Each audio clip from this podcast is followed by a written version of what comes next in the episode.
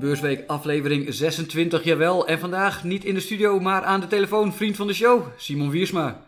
Ja, goeiedag.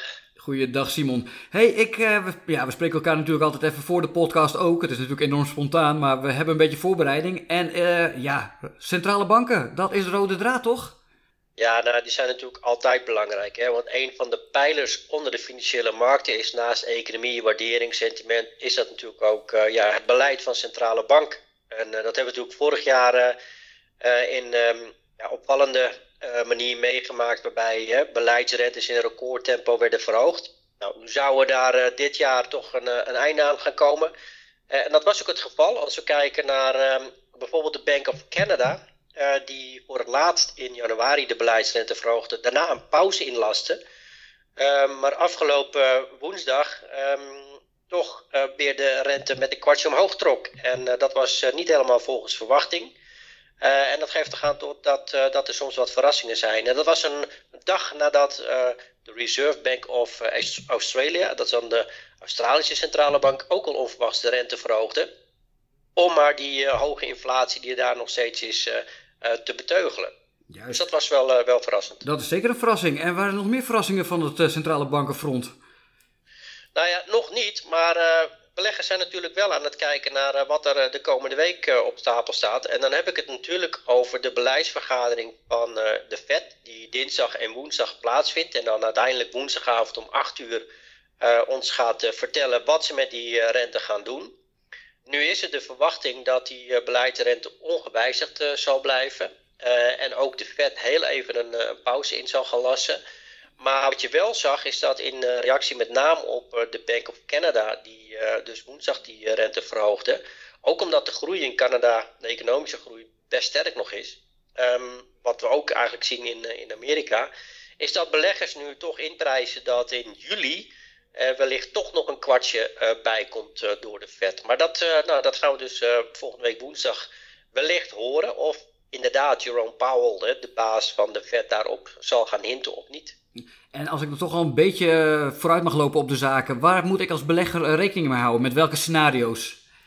Ja, ik denk toch dat, en dat is wel waar wij van uitgaan, dat de Fed heel even een, pauze inlast. Want uh, als we kijken naar de laatste macro-economische data uit Amerika, dan zien we toch dat ondanks het feit dat die arbeidsmarkt best wel sterk is nog steeds. Hè, we zien een heel laag aantal, uh, of laag werkloosheidspercentage. We zagen het aantal nieuwe banen in Amerika afgelopen maand weer wat hoger dan uh, verwacht. Uh, maar tegelijkertijd zien we wel dat de inflatie, en met name de consumentenprijsinflatie en ook de producentenprijsinflatie, echt wel uh, de dalende trend in hebben gezet in, in Amerika. Bovendien zien we ook dat, we zien dat dan aan de, de M2, de geldgroeihoeveelheid en ook de kredietverlening in Amerika, zien we toch wel echt wel afnemen. Hè, als uh, gevolg van het krappere monetaire beleid van de Fed. Dus ik denk dat ze er goed aan doen, en dat is ook onze verwachting, om heel even te kijken, wat is nu het effect op de reële economie van ons krappe rentebeleid, alvorens ze een volgende stap mogelijk zouden gaan nemen. Dus ik, ik vind nu in één keer die, dat inprijzen van die verhoging in juli lijkt wel een beetje dat beleggers op de muziek uh, vooruitlopen. Maar goed, uh, wellicht dat uh, Paul daar aanstaande woensdag toch een iets andere draai aan geeft. Dat is de woensdag met, met stippen het hoogtepunt van komende beursweek. Um, heb jij nog meer op de agenda staan? Jazeker, hè, want um, um, Vanochtend hebben we gekregen uit Amerika, of sorry, uit China, dat weten we nu nog niet, hè, want de podcast wordt donderdagmiddag opgenomen. Inderdaad. De inflatiecijfers uit, uit China. die zijn zeker ook belangrijk, want daar zien we al maandenlang dat de producentenprijsinflatie echt daalt. Hè, dus deflatie, waardoor China, zoals we dat dan zeggen, um, de desinflatie exporteert naar de rest van de wereld. Dan ook de consumentenprijsinflatie met 0,2% naar verwachting is bijzonder laag in China. Dus dat geeft alle ruimte om daar nog meer stimuleringsmaatregelen te verwachten vanuit de Chinese overheid. Om de ja, toch wat moeizame groei in China um, een, een, duw in de rug te geven. Um, en dan volgende week, ja, dan schakel ik meteen door naar, naar de dinsdag. Wanneer, uh, waarop dus de, Fed begint met die vergadering. Maar hebben we ochtends uit Duitsland de definitieve uh, inflatiecijfers voor de maand mei. Nou, ik denk niet dat die heel veel nog impact zullen gaan geven op, um, het beleid van, van de ECB, kom ik straks op terug. En we krijgen ook dinsdag de inflatiecijfers uit Amerika, de CPI, de consumentenprijsinflatie voor de maand mei. Ehm, dat zal al wel bekend zijn bij de Fed, hè, dus daar zal niet heel heftig op gereageerd gaan worden, mag je aannemen. Maar goed, toch wel iets om, om in de gaten te houden. En ook daar zien we dat de verwachting is dat die inflatie zowel maand op maand als jaar op jaar echt wel aan het vertragen is. En dan heb je eigenlijk al de Fed natuurlijk al even genoemd. Wil je al door naar de ECB ja. of heb je nog wat ertussendoor? Ja, woensdag hebben we dan, voordat we naar de Fed gaan, hè, om 8 uur s s'avonds zitten we weer op het puntje van de stoel om te kijken van oké, wat komt daaruit? Wat gaat er gebeuren? Maar dan hebben we ook nog producentenprijsinflatiecijfers. En dan is het inderdaad ja, wachten op de uitkomst van dat rentebesluit. Met daarop volgend aansluitend een toelichting door Jerome Powell. En ja, dan gaan we door naar de donderdag. En de donderdag dan is het ECB-dag. Zeker is het ECB-dag. En die komt altijd uh, smiddags. Voor die tijd, en dat is ochtends vroeg al, dan liggen wij hier nog op enorm. Maar dan krijgen we ook nog cijfers uit, uit China. Uh, initiële productie, winkelverkoopcijfers voor mij, um, cijfers over de investeringen in vastgoed. dat we zien in China dat die groei toch wat, uh, na een heel sterk eerste kwartaal, toch wat moeite heeft om, uh, om verder door te zetten. dus daar kijken we naar en dan is het om kwart over twee. ja, dan zullen de nieuwsdiensten volstromen met, met berichten uit Frankfurt. En naar verwachting zal de ECB de beleidsrente met een kwartje omhoog trekken. En dat betekent in, uh, in ons geval dat de depositorente, de rente die zij ja, vergoed of rekent aan, aan banken, um, van 3,25 naar 3,5 procent zal gaan, gaan oplopen. en de, ja, de financieringsrente, dat is dan het belangrijkste rentetarief eigenlijk waar het om gaat, zal dan opgetrokken worden naar, naar 4 procent met een kwartje.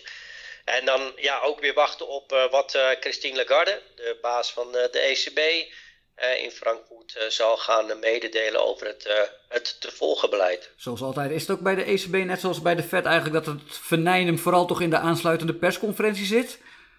Ja, ik denk dat we, ja, de consensus is echt wel een kwartje omhoog. En daar heeft de, de ECB de afgelopen maanden, weken zeker ook wel op, op gehint en op aangestuurd. Omdat um, de inflatie in de eurozone ja, boven het streefniveau van 2% ligt nog steeds. En de ECB heeft één mandaat en dat is het, uh, ja, het bewerkstelligen van prijsstabiliteit. Dat betekent dat ook aangezien um, het feit dat de groei in de eurozone eigenlijk best nog goed uh, is blijven liggen de afgelopen tijd, uh, dat ze die ruimte heeft en ook zal nemen om die rente te verhogen. En dan wat je zegt, het zal toch weer gaan van, joh, maar wat, wat is jullie volgende stap? Is dat een pauze of zoals het er nu naar uitziet, er komt er dan nog een, uh, nog een kwartje bij in, in juli. Dat is wel waar wij vanuit gaan en ook de markt op, uh, op anticipeert. Inderdaad.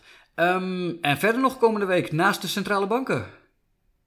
Nou ja, dat is echt wel de hoofdmoot. Hè? En dat zal echt wel de richting van de beurs gaan, gaan bepalen. We krijgen op donderdagmiddag wat later ook nog um, cijfers over de winkelverkopen in Amerika voor de maand mei toch ook wel goed hoor om te kijken naar wat die Amerikaanse consument, dat is natuurlijk de belangrijkste aanjager voor de economie, goed voor ongeveer uh, 60% van het bruto binnenlands product en de groei daarvan.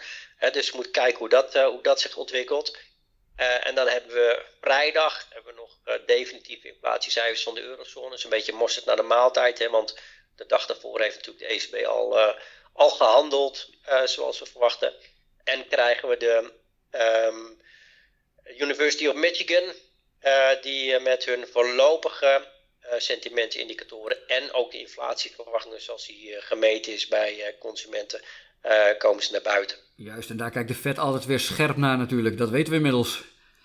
Zeker, hè, dat zijn met name ook de ingeprijsde inflatieverwachtingen die de afgelopen tijd wel wat naar beneden zijn gegaan, waar de Fed ook rekening mee houdt. Want daaraan kunnen ze eigenlijk afleiden in hoeverre um, ja, zij in staat zijn geweest om die inflatie, die toch vaak ook tussen de oren van consumenten zit hè, en hun gedrag ook bepaalt, of ze die inderdaad naar beneden hebben gekregen.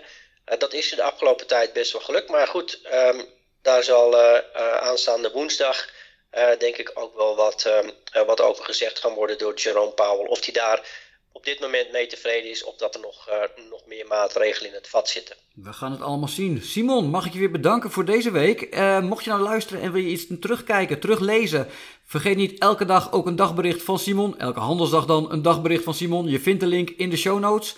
En Simon, ik spreek jou weer graag volgende week. Tot volgende week, Stefan. Hoi hoi.